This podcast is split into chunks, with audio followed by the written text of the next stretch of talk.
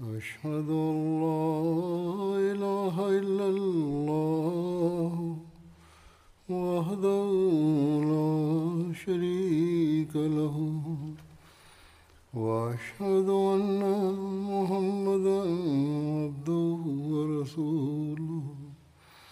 أما بعد فأعوذ بالله من الشيطان الرجيم. بسم الله الرحمن الرحيم.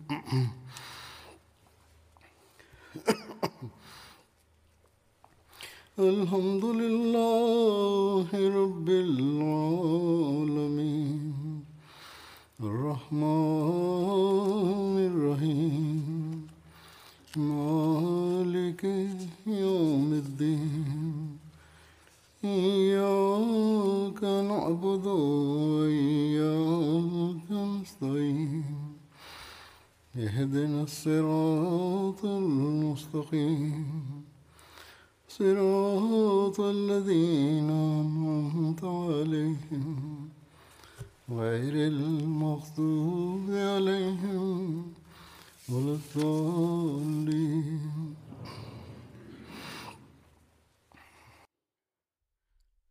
Sedang berlangsung pembahasan mengenai Hadrat Abu Bakar Siddiq radhiyallahu anhu. Sirat beliau telah sedikit dibahas. Disebutkan juga dalam riwayat-riwayat berkenaan dengan hal ini bahwa beliau adalah ahli dalam silsilah keturunan dan memiliki kegemaran dalam syair menyair.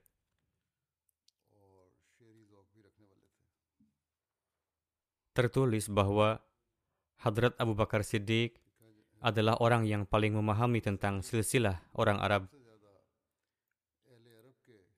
Jubair bin Mut'im yang telah mencapai kedalaman dalam ilmu silsilah berkata, saya telah mempelajari ilmu silsilah dari Hadrat Abu Bakar anhu.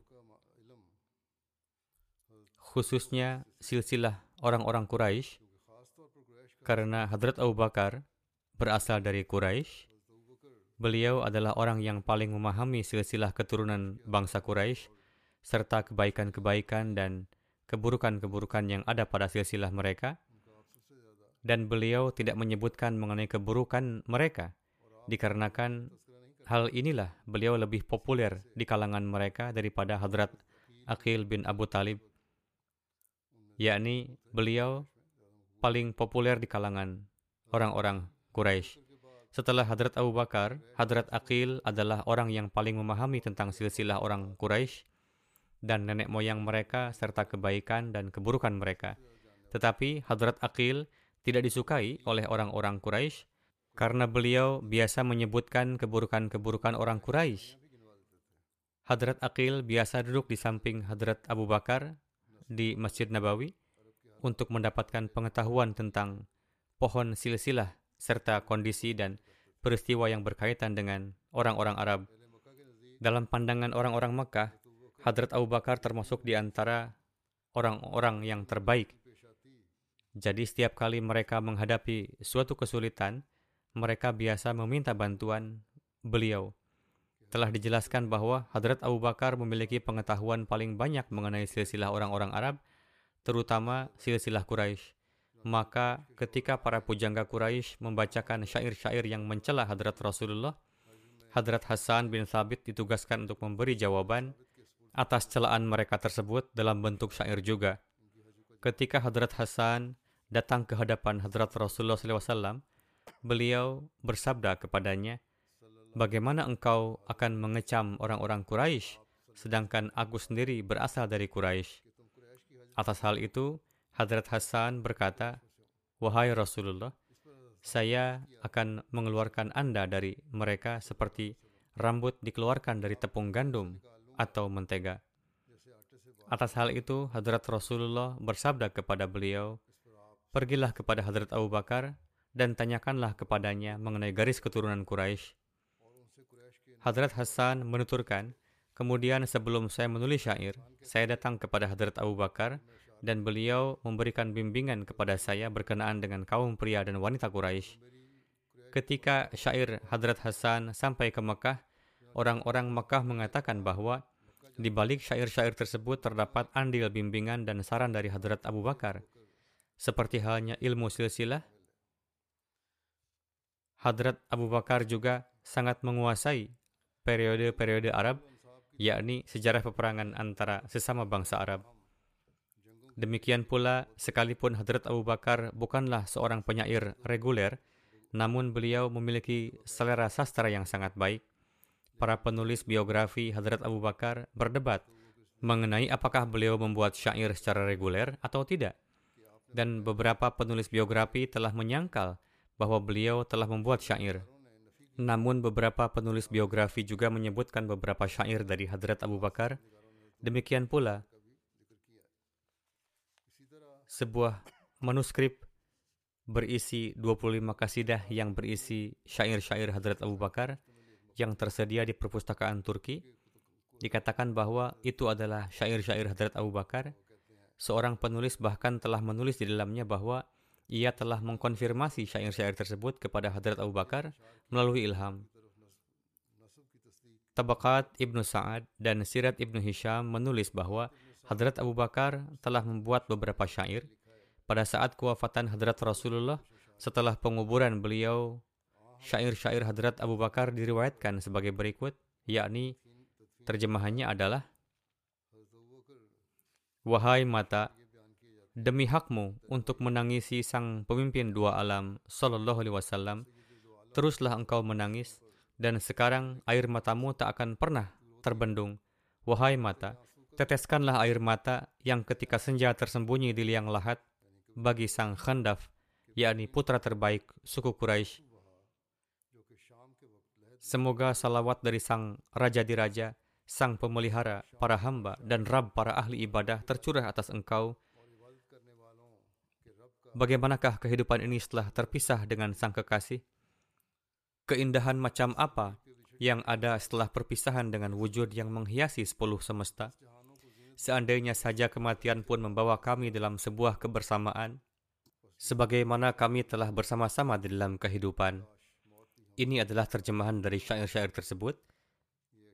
Berkenaan dengan firasat beliau, diriwayatkan bahwa Beliau adalah seseorang yang memiliki firasat yang tajam. Hadrat Abu Sa'id Khudri meriwayatkan bahwa Rasulullah SAW bersabda, Allah Ta'ala telah memberikan pilihan kepada seorang hamba, yaitu antara dunia atau pergi ke sisi Allah Ta'ala. Maka dia telah menyukai untuk berada di sisi Allah Ta'ala. Atas hal itu, Hadrat Abu Bakar menangis. Saya mengatakan di dalam hati, apa yang telah membuat lelaki tua ini menangis? Jika Allah telah memberikan pilihan kepada seorang hamba antara memilih dunia atau berada di sisinya, maka hamba yang telah memilih untuk berada di sisi Allah Ta'ala itu adalah Rasulullah sendiri. Dan Hadrat Abu Bakar adalah yang paling mengetahui di antara kami.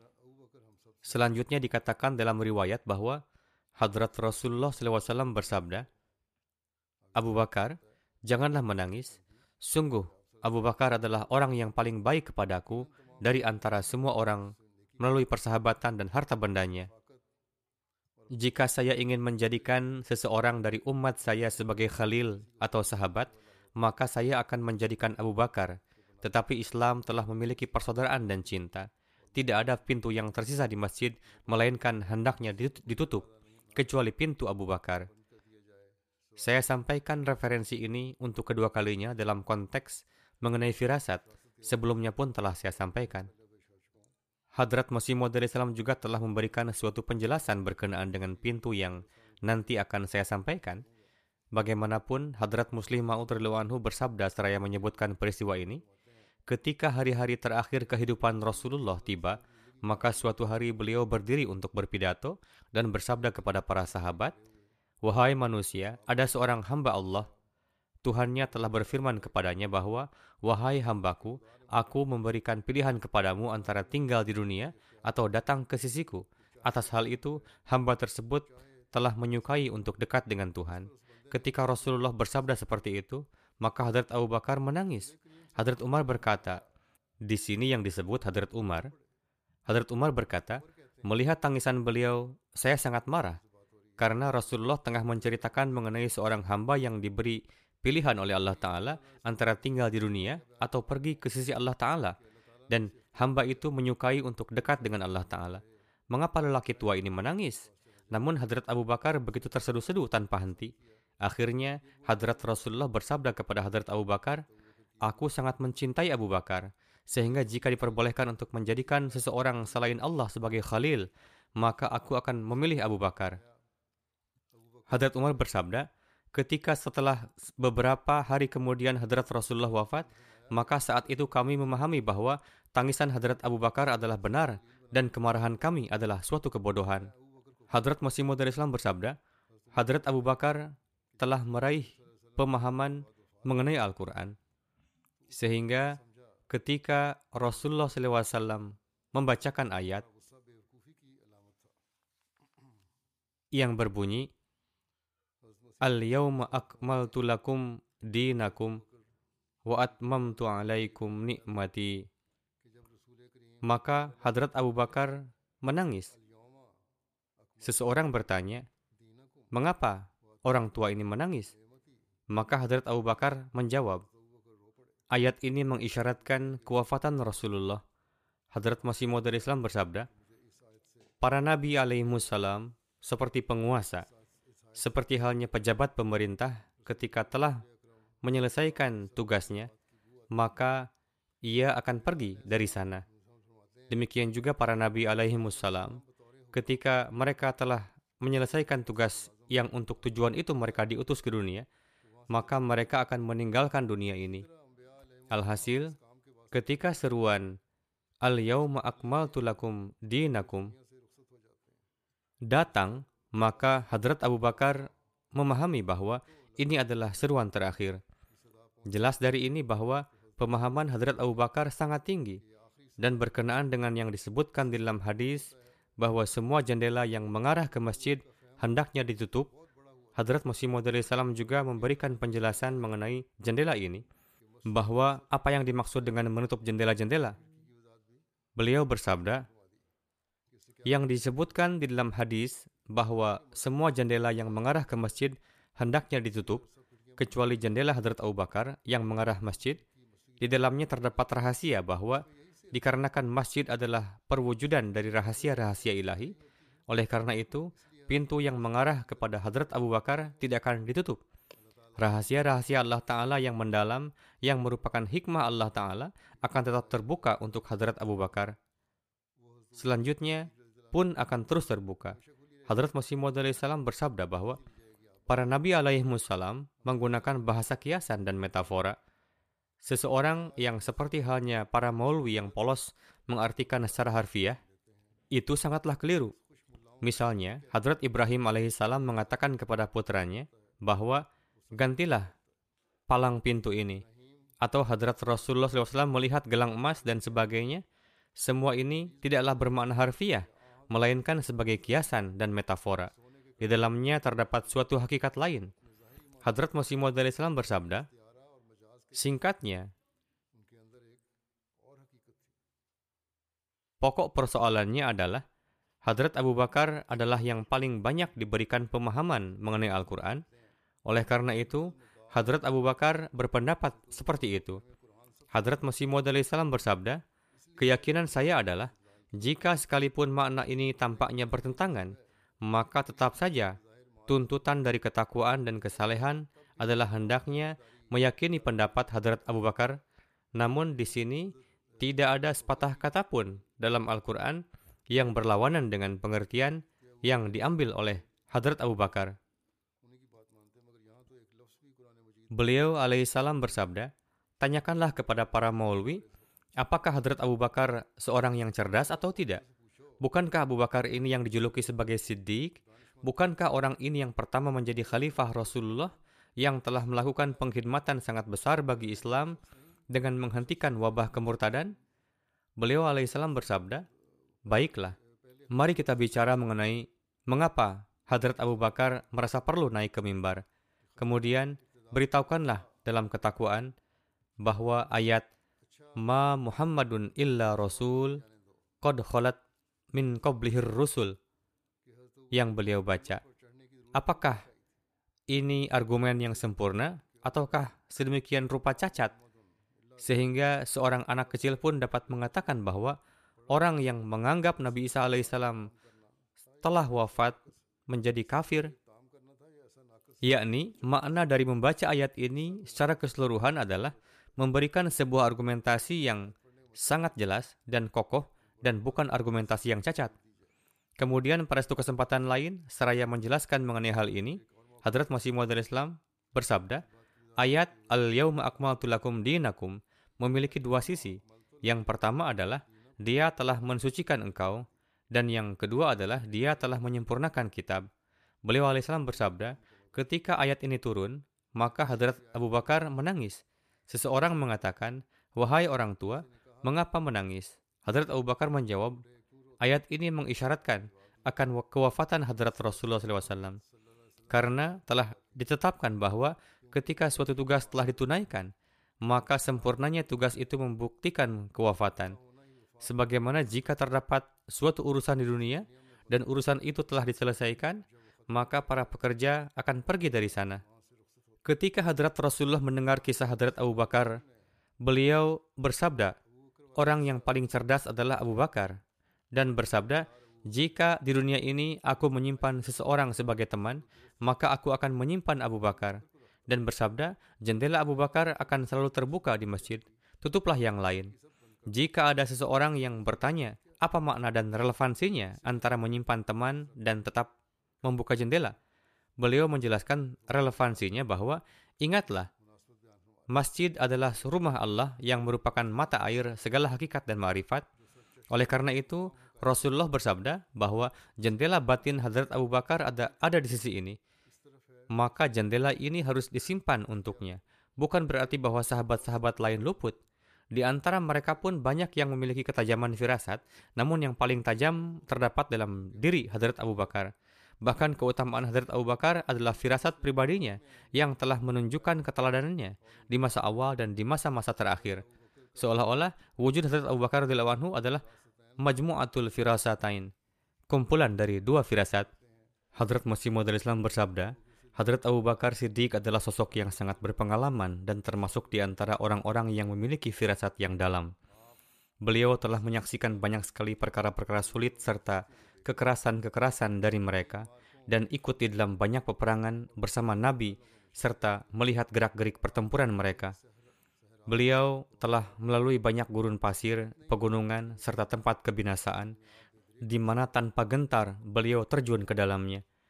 Betapa banyak jalan-jalan berliku yang telah beliau luruskan, betapa banyak perang-perang yang mana beliau terdepan di dalamnya, betapa banyak fitnah kekisruhan yang telah beliau atasi, serta betapa banyak tunggangan-tunggangan yang telah beliau letihkan dalam perjalanan, yakni tidak terhitung perjalanan yang telah beliau tempuh sehingga tunggangannya pun kepayahan betapa banyak tingkatan-tingkatan yang telah beliau tempuh sehingga menjadikan beliau sosok berpengalaman dan pemilik firasat. Beliau sabar menghadapi berbagai musibah dan tekun dalam beribadah. Alhasil, Allah Ta'ala telah memilih beliau di dalam firman-Nya untuk menemani Rasulullah dan memuji beliau karena ketulusan dan keteguhan beliau. Hal ini merupakan isyarah bahwa beliau adalah sosok yang paling utama di antara para sahabat Rasulullah yang beliau cintai Beliau terlahir dengan jiwa yang mandiri dan kesetiaan telah tertanam dalam diri beliau.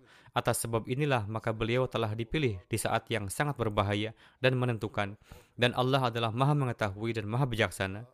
Beliau telah meletakkan segenap perkara sesuai dengan waktu dan tempatnya. Dan beliau telah mengalirkan air dari mata air yang tepat. Jadi dia telah meletakkan pandangan belas kasihnya pada Ibnu Abi Kahafah dan menurunkan ihsannya yang khas kepadanya dan menjadikannya sosok istimewa sepanjang masa dan Allah Ta'ala berfirman dan dia adalah yang paling benar di antara semua yang bertutur kata yakni apa yang difirmankan Allah Ta'ala Allah Ta'ala lah yang paling benar di antara semua yang bertutur kata. Allah berfirman, Illa tansuruhu faqad nasarahullahu idh akhrajahu alladhina kafaru thaniya idh huma fil ghar idh yakulu li la tahzan innallaha ma'ana fa'anzalallahu sakinatahu alaih wa بجنود لم تروها. وأيده بجنود لم تروها. وجعل كلمة الذين كفروا السفلى. وكلمة الله هي العليا. والله عزيز حكيم. وكلمة الله هي العليا. والله عزيز حكيم.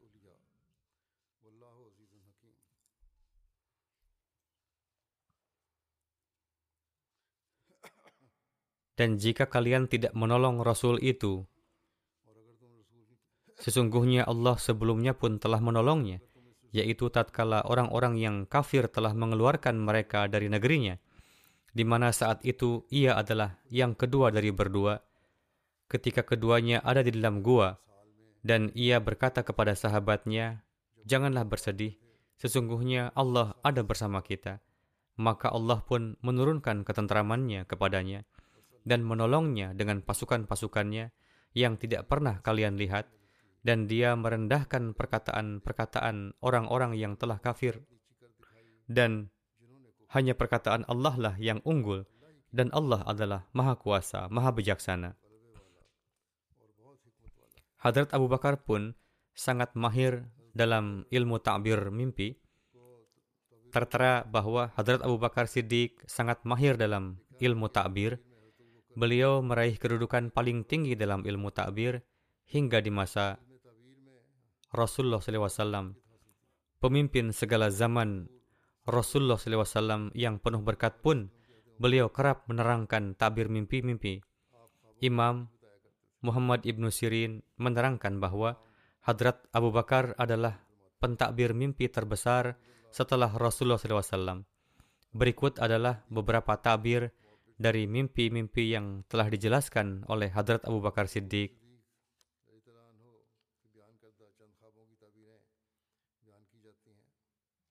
Hadrat Ibnu Abbas menerangkan bahwa di saat kembali dari Uhud, seseorang datang menjumpai Rasulullah dan bertanya, Wahai Rasulullah, saya bermimpi melihat sebuah awan yang darinya turun madu dan minyak samin, dan saya melihat bahwa Orang-orang tengah mengambilnya dengan kedua tangannya. Ada yang mengambil banyak darinya dan ada yang sedikit. Lalu saya melihat satu tali yang sampai menuju langit. Lalu saya melihat Huzur Sallallahu Alaihi Wasallam di mana Huzur menggenggamnya dan naik ke atas dengan tali tersebut. Setelah itu ada seorang lagi yang menggenggamnya dan ia pun pergi ke atas dengannya. Setelah itu ada seorang lagi yang menggenggamnya dan ia pun naik ke atas. Lalu setelah itu ada seorang lagi yang memegang tali itu dan tali itu terputus. Lalu tali itu disambungkan untuknya dan dengan tali itu ia naik ke atas. Hadrat Abu Bakar radhiyallahu anhu bertanya kepada Rasulullah, "Wahai Rasulullah, mohon perkenankan saya untuk menakbirkannya. Jika diizinkan, maka saya akan menakbirkannya." Rasulullah bersabda, "Tabirkanlah." Maka Hadrat Abu Bakar berkata, awan yang memberi naungan adalah Islam. Kemudian madu dan minyak samin yang tercurah darinya adalah Al-Quran. Rasa manis dan kenikmatan darinya, serta orang-orang tengah mengambilnya, adalah bermakna mereka yang meraih Al-Quran, yakni mereka yang meraih ilmu-ilmu Al-Quran, apakah itu sedikit atau banyak. Lalu tali yang sampai ke langit adalah kebenaran yang di atasnya Rasulullah SAW berada. Rasulullah menggenggamnya dan dengan perantaranya huzur naik ke atas. Lalu setelah huzur Wasallam ada seorang lagi yang mengambilnya dan dengannya ia pun naik. Lalu ada seorang lain juga yang dengannya ia naik ke atas. Lalu ada seorang lagi dan tali itu akan putus. Lalu tali itu disambungkan untuknya dan dengannya ia naik ke atas. Rasulullah SAW bersabda, Anda telah menyampaikan sebagian dengan benar dan ada sebagian yang keliru. Hadrat Abu Bakar bertanya, Apakah itu wahai Rasulullah?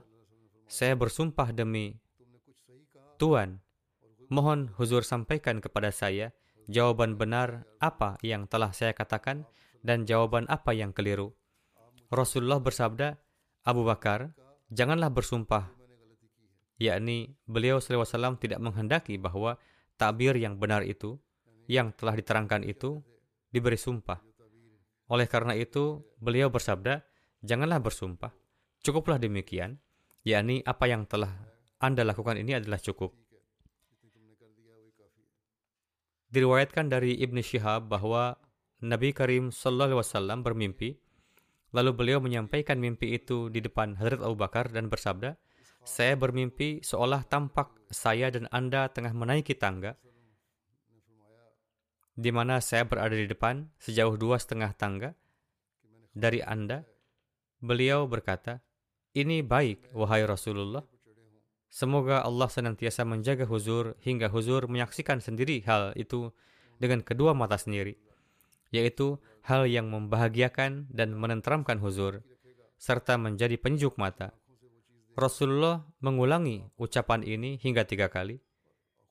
Saat ketiga kali beliau bersabda, Wahai Abu Bakar, saya bermimpi seolah saya dan Anda tengah ada di atas tangga, di mana saya telah berada dua setengah tangga di depan Anda. Hadrat Abu Bakar berkata, Wahai Rasulullah, semoga Allah mengangkat engkau menuju rahmat dan magfirahnya, dan saya akan hidup dua setengah tahun setelah Anda. Demikianlah.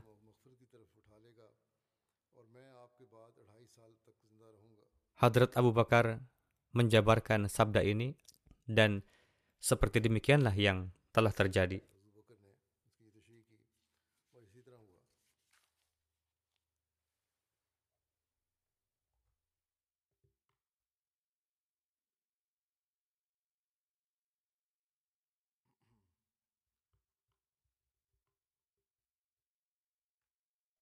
Hadrat Aisyah, istri suci yang mulia Rasulullah SAW menjelaskan, saya bermimpi bahwa di satu kamar saya melihat ada tiga bulan yang sedang jatuh, yakni di kamar sendiri. Beliau melihat tiga bulan yang tengah jatuh. Lalu saya menyampaikan mimpi saya ini kepada ayahanda saya, Hadrat Abu Bakar Siddiq. Tatkala tiba kewafatan Rasulullah SAW dan Rasulullah dimakamkan di kamar Hadrat Aisyah, maka Hadrat Abu Bakar bersabda kepada Hadrat Aisyah, ini adalah satu bulan di antara bulan-bulanmu. Dan ini adalah yang terbaik dari semua itu. Hadrat Abdurrahman bin Abi Laila radhiyallahu anhu menerangkan, Rasulullah SAW bersabda, saya melihat bahwa ada kawanan kambing hitam yang tengah mengikuti saya dan di belakangnya ada kawanan kambing berwarna coklat. Atas hal ini, Hadrat Abu Bakar berkata, Wahai Rasulullah, orang-orang Arab akan mengikuti huzur, lalu orang-orang non-Arab akan mengikuti mereka. Rasulullah SAW bersabda, Malaikat-malaikat pun menakbirkan demikian. Ini adalah tentang mimpi-mimpi. Kemudian, tentang siapakah yang pertama kali menjadi muslim di antara para muslim laki-laki? Mengenai hal ini disebutkan bahwa Hadrat Abu Bakar lah yang tepat untuk ini. Hadrat Ammar bin Yasir menurut menuturkan, saya melihat Rasulullah SAW di masa awal, tatkala bersama beliau, hanya ada lima orang hamba sahaya dan dua wanita, serta Hadrat Abu Bakar. Hadrat Mirza Bashir Ahmad Sahib di dalam karya beliau, Sirat Khatamun Nabiyyin, menulis catatan rinci akan hal ini, beliau menulis, beliau tengah membahas hal ini, yakni siapakah yang pertama kali beriman kepada yang mulia Rasulullah SAW. Beliau menulis, tatkala baginda Rasulullah SAW memulai misi tablik beliau, maka saat itu yang pertama kali beriman adalah Hadrat Khadijah, di mana untuk sekejap pun beliau tidak menolaknya. Setelah Hadrat Khadijah, para sejarawan memiliki perbedaan tentang siapakah yang pertama kali beriman di antara golongan pria. Sebagian ada yang menyebutkan nama Hadrat Abu Bakar, yakni Abdullah bin Abi Kahafah. Ada sebagian berpendapat Hadrat Ali, yang saat itu berusia hanya 10 tahun.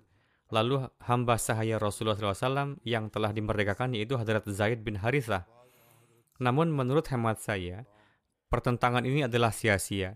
Hadrat Ali dan Hadrat Zaid bin Harithah adalah orang-orang yang berada di kediaman Rasulullah SAW, di mana mereka tinggal bersama Rasulullah seperti anak-anak beliau lainnya.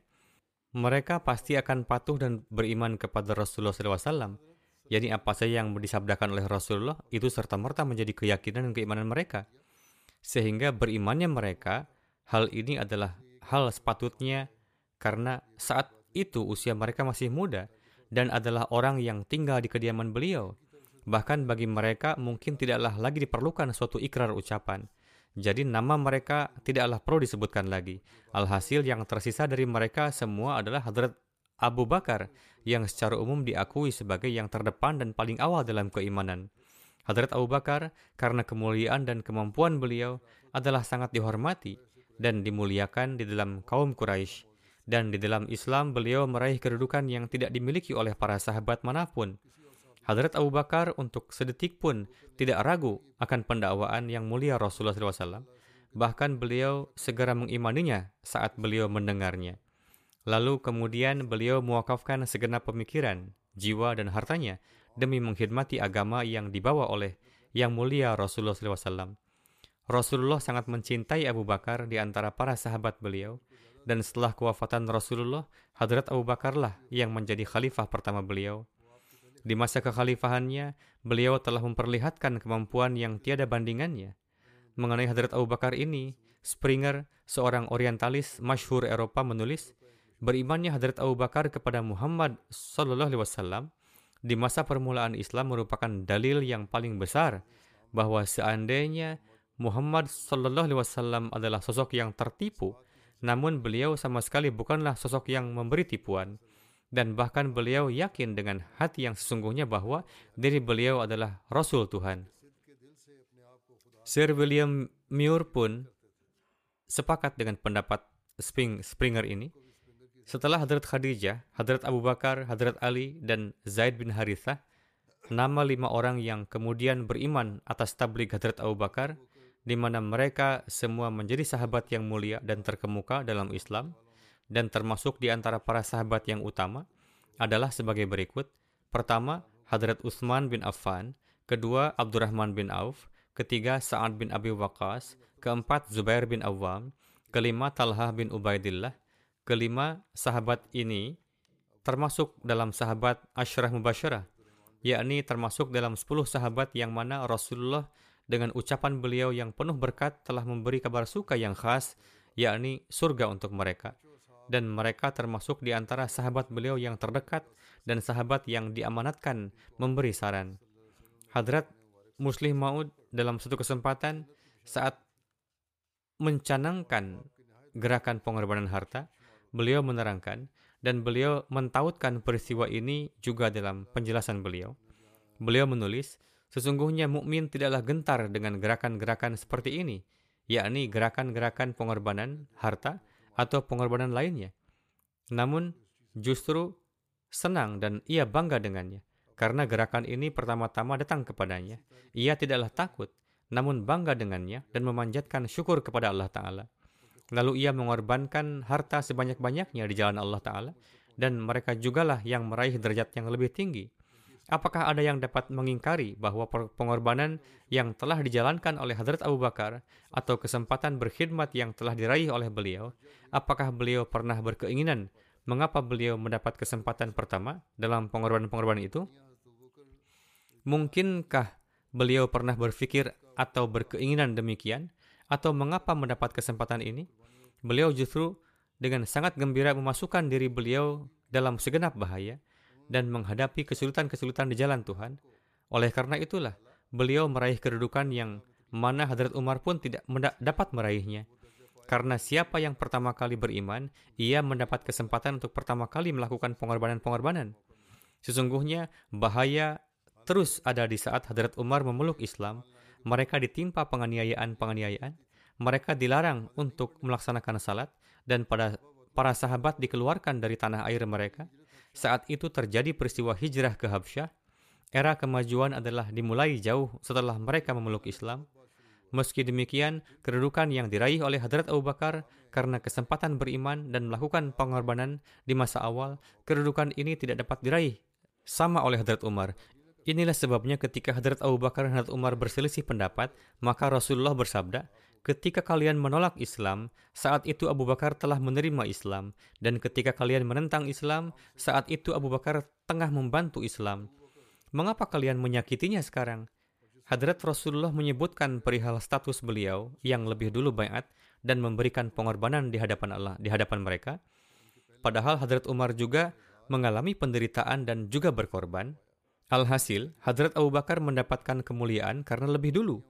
Adakah yang bisa mengatakan bahwa Hadrat Abu Bakar akan berharap untuk mendapatkan kesempatan untuk bayat pada saat Fatah Mekah? Bahkan sekalipun kerajaan dunia ditawarkan ke hadapan beliau, beliau akan menganggapnya sebagai pengganti yang rendah dan tidak akan menerimanya. Bahkan jika dibandingkan dengan kemuliaan yang telah beliau dapatkan itu, beliau tidak akan segan-segan untuk menghardi kerajaan duniawi dengan kakinya. Jadi itu merupakan hadiah berkat pengorbanan beliau dan seperti itu Allah Ta'ala membalasnya. Tingkat demi tingkat. Berkenaan dengan memerdekakan budak belian, Hadrat Umar radhiyallahu anhu biasanya mengatakan bahwa Abu Bakar Sayyiduna wa a'taqo Sayyidana yakni Bilal. Abu Bakar adalah pemimpin kami dan beliau memerdekakan pemimpin kami yang beliau maksud adalah Hadrat Bilal. Pada masa awal Islam, Hadrat Abu Bakar Siddiq membebaskan tujuh budak dengan hartanya, yang mana mereka menanggung penderitaan demi Allah. Berikut adalah nama-nama budak tersebut, di antaranya Hadrat Bilal, radhiallahu anhu, Amir bin Fuhairah, radhiallahu anhu, Zanira, radhiallahu anhu, dan Nadia, radhiallahu anha, beserta putrinya, dan putrinya yang lain, Bani Mu'mal, atau budak wanita, dan Ummi Uwais. Penentang juga mengakui kebaikan dan akhlak mulia Hadrat Umar, sebagaimana Hadrat Muslim Ma'ud anhu bersabda,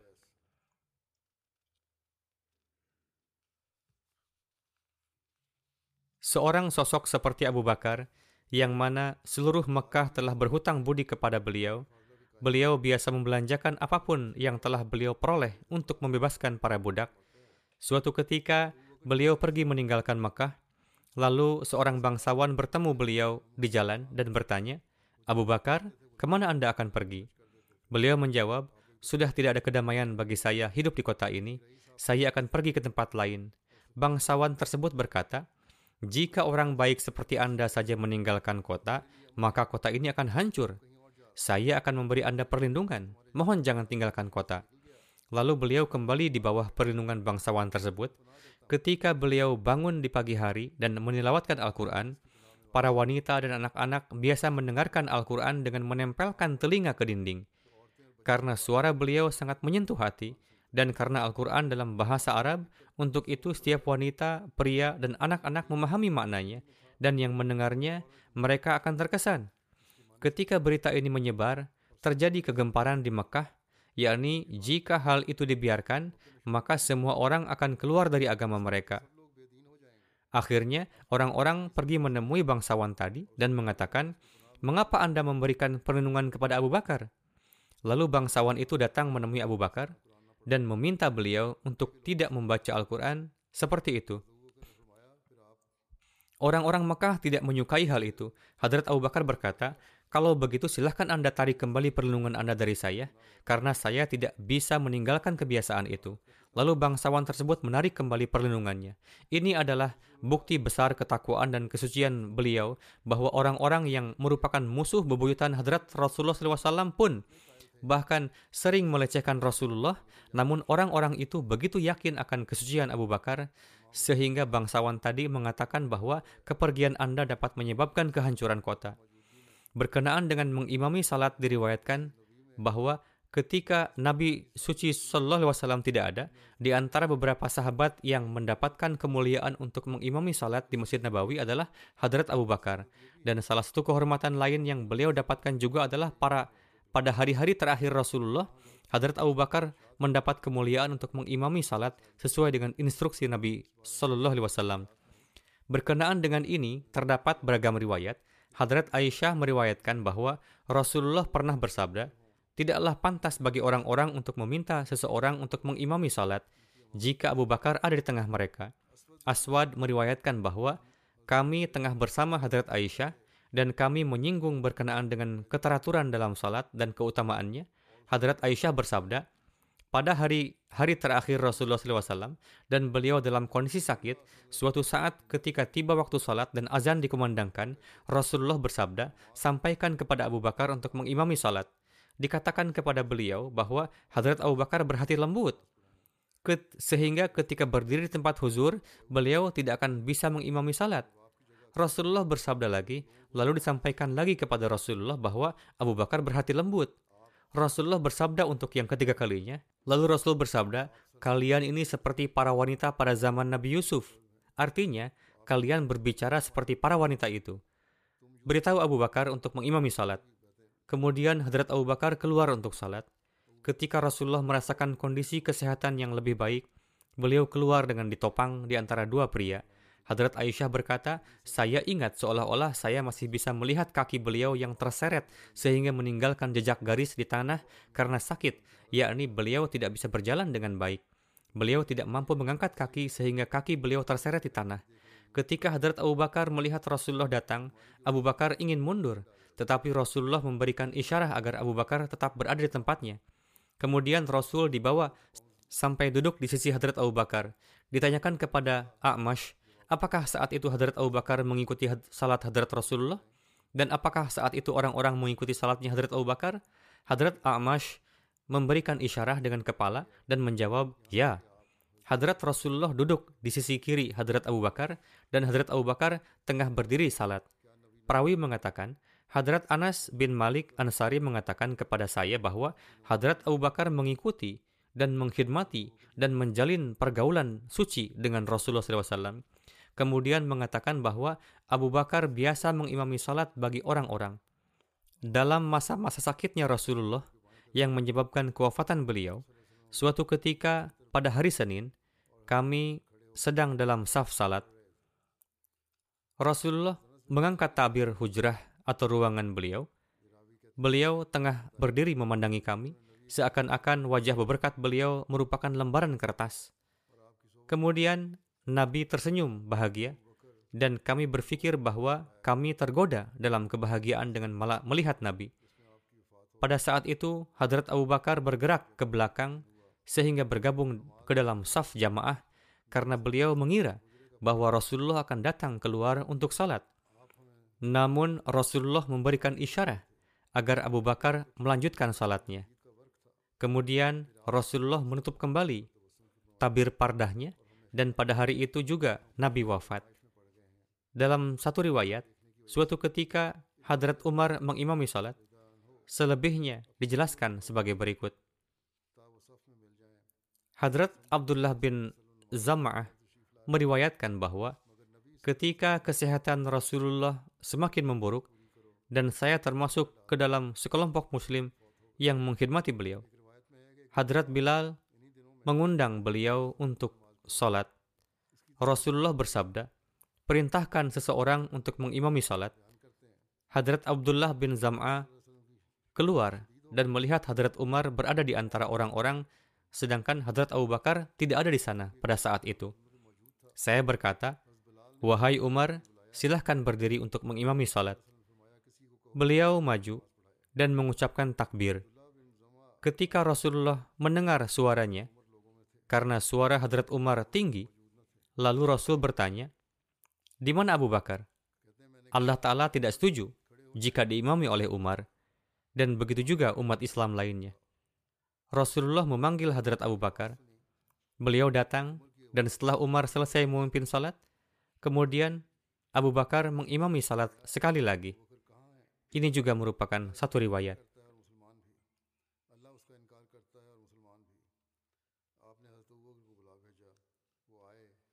Dalam riwayat lain, ketika Rasulullah SAW mendengar suara Hadrat Umar, beliau keluar untuk melihat sembari mengangkat kepala beberkat lebih tinggi dari hujrah beliau dan bersabda, Tidak, tidak, tidak.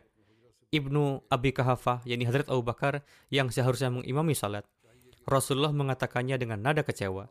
Penjelasan lebih lanjut dari riwayat tersebut ditemukan dalam Musnad Ahmad bahwa ketika Hadrat Umar mengetahui hal itu, beliau berkata kepada Hadrat Abdullah bin Zam'a, yang telah memintanya untuk mengimami salat, beliau berkata, saya pikir Rasulullah sendiri yang telah memerintahkanmu untuk mengatakan kepada saya agar memimpin salat. Seandainya saya mengetahui itu, saya tidak akan pernah mau memimpin salat. Atas hal itu, Abdullah bin Zam'ah berkata, tidak, ketika saya melihat bahwa Hadrat Abu Bakar tidak ada, saya berpikir bahwa setelah itu, Andalah yang sesuai untuk memimpin salat. Untuk itu, saya sendiri yang memohon Anda untuk mengimami salat. Tidak ada perintah secara langsung kepada saya akan hal itu. Riwayat Musnad. Seorang penulis menulis tentang kasih sayang Hadrat Abu Bakar kepada putra-putri beliau.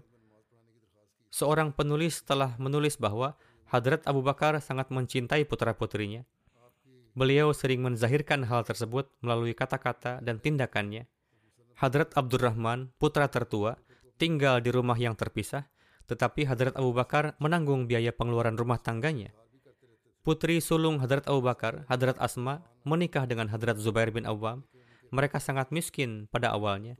Hadrat Asma harus melakukan banyak pekerjaan karena tidak mampu untuk memiliki pelayan atau pembantu di rumah, dan biasa membuat adonan roti sendiri, memasak makanan, dan mengisi air, menjahit, membawa biji kelapa sawit dari jarak jauh di atas kepala, dan bahkan memberi makan kuda dengan pakan ternak Ketika Hadrat Abu Bakar Siddiq mengetahui tentang keadaan ini, beliau mengirim seorang pelayan untuk memberi makan kuda dan merawatnya.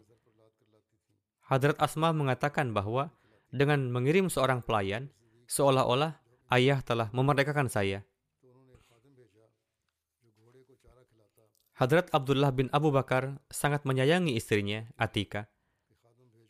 Tertulis satu lagi kejadian. Karena kecintaan itu, ia tidak berangkat untuk berjihad. Hadrat Abu Bakar tidak bisa mentolerir sifat ter sikap tersebut. Beliau memerintahkan Hadrat Abdullah bahwa jika kamu meninggalkan jihad karena istrimu, ceraikan saja dia. Hadrat Abdullah mematuhi perintah sang ayah untuk menceraikan istrinya, tetapi sambil membacakan puisi yang sangat menyentuh hati. Ketika bait puisi tersebut sampai ke telinga Hadrat Abu Bakar, hati beliau larut dan akhirnya mengizinkan Hadrat Abdullah untuk rujuk kembali. Hadrat Bara meriwayatkan bahwa saya bersama Hadrat Abu Bakar pergi mengunjungi rumah keluarga beliau dan melihat putri beliau. Hadrat Aisyah sedang berbaring karena demam. Saya melihat bahwa beliau yaitu Hadrat Abu Bakar mencium pipi Hadrat Aisyah dan bertanya, bagaimana kabarmu putriku? Selanjutnya, insya Allah akan disampaikan pada lain kesempatan.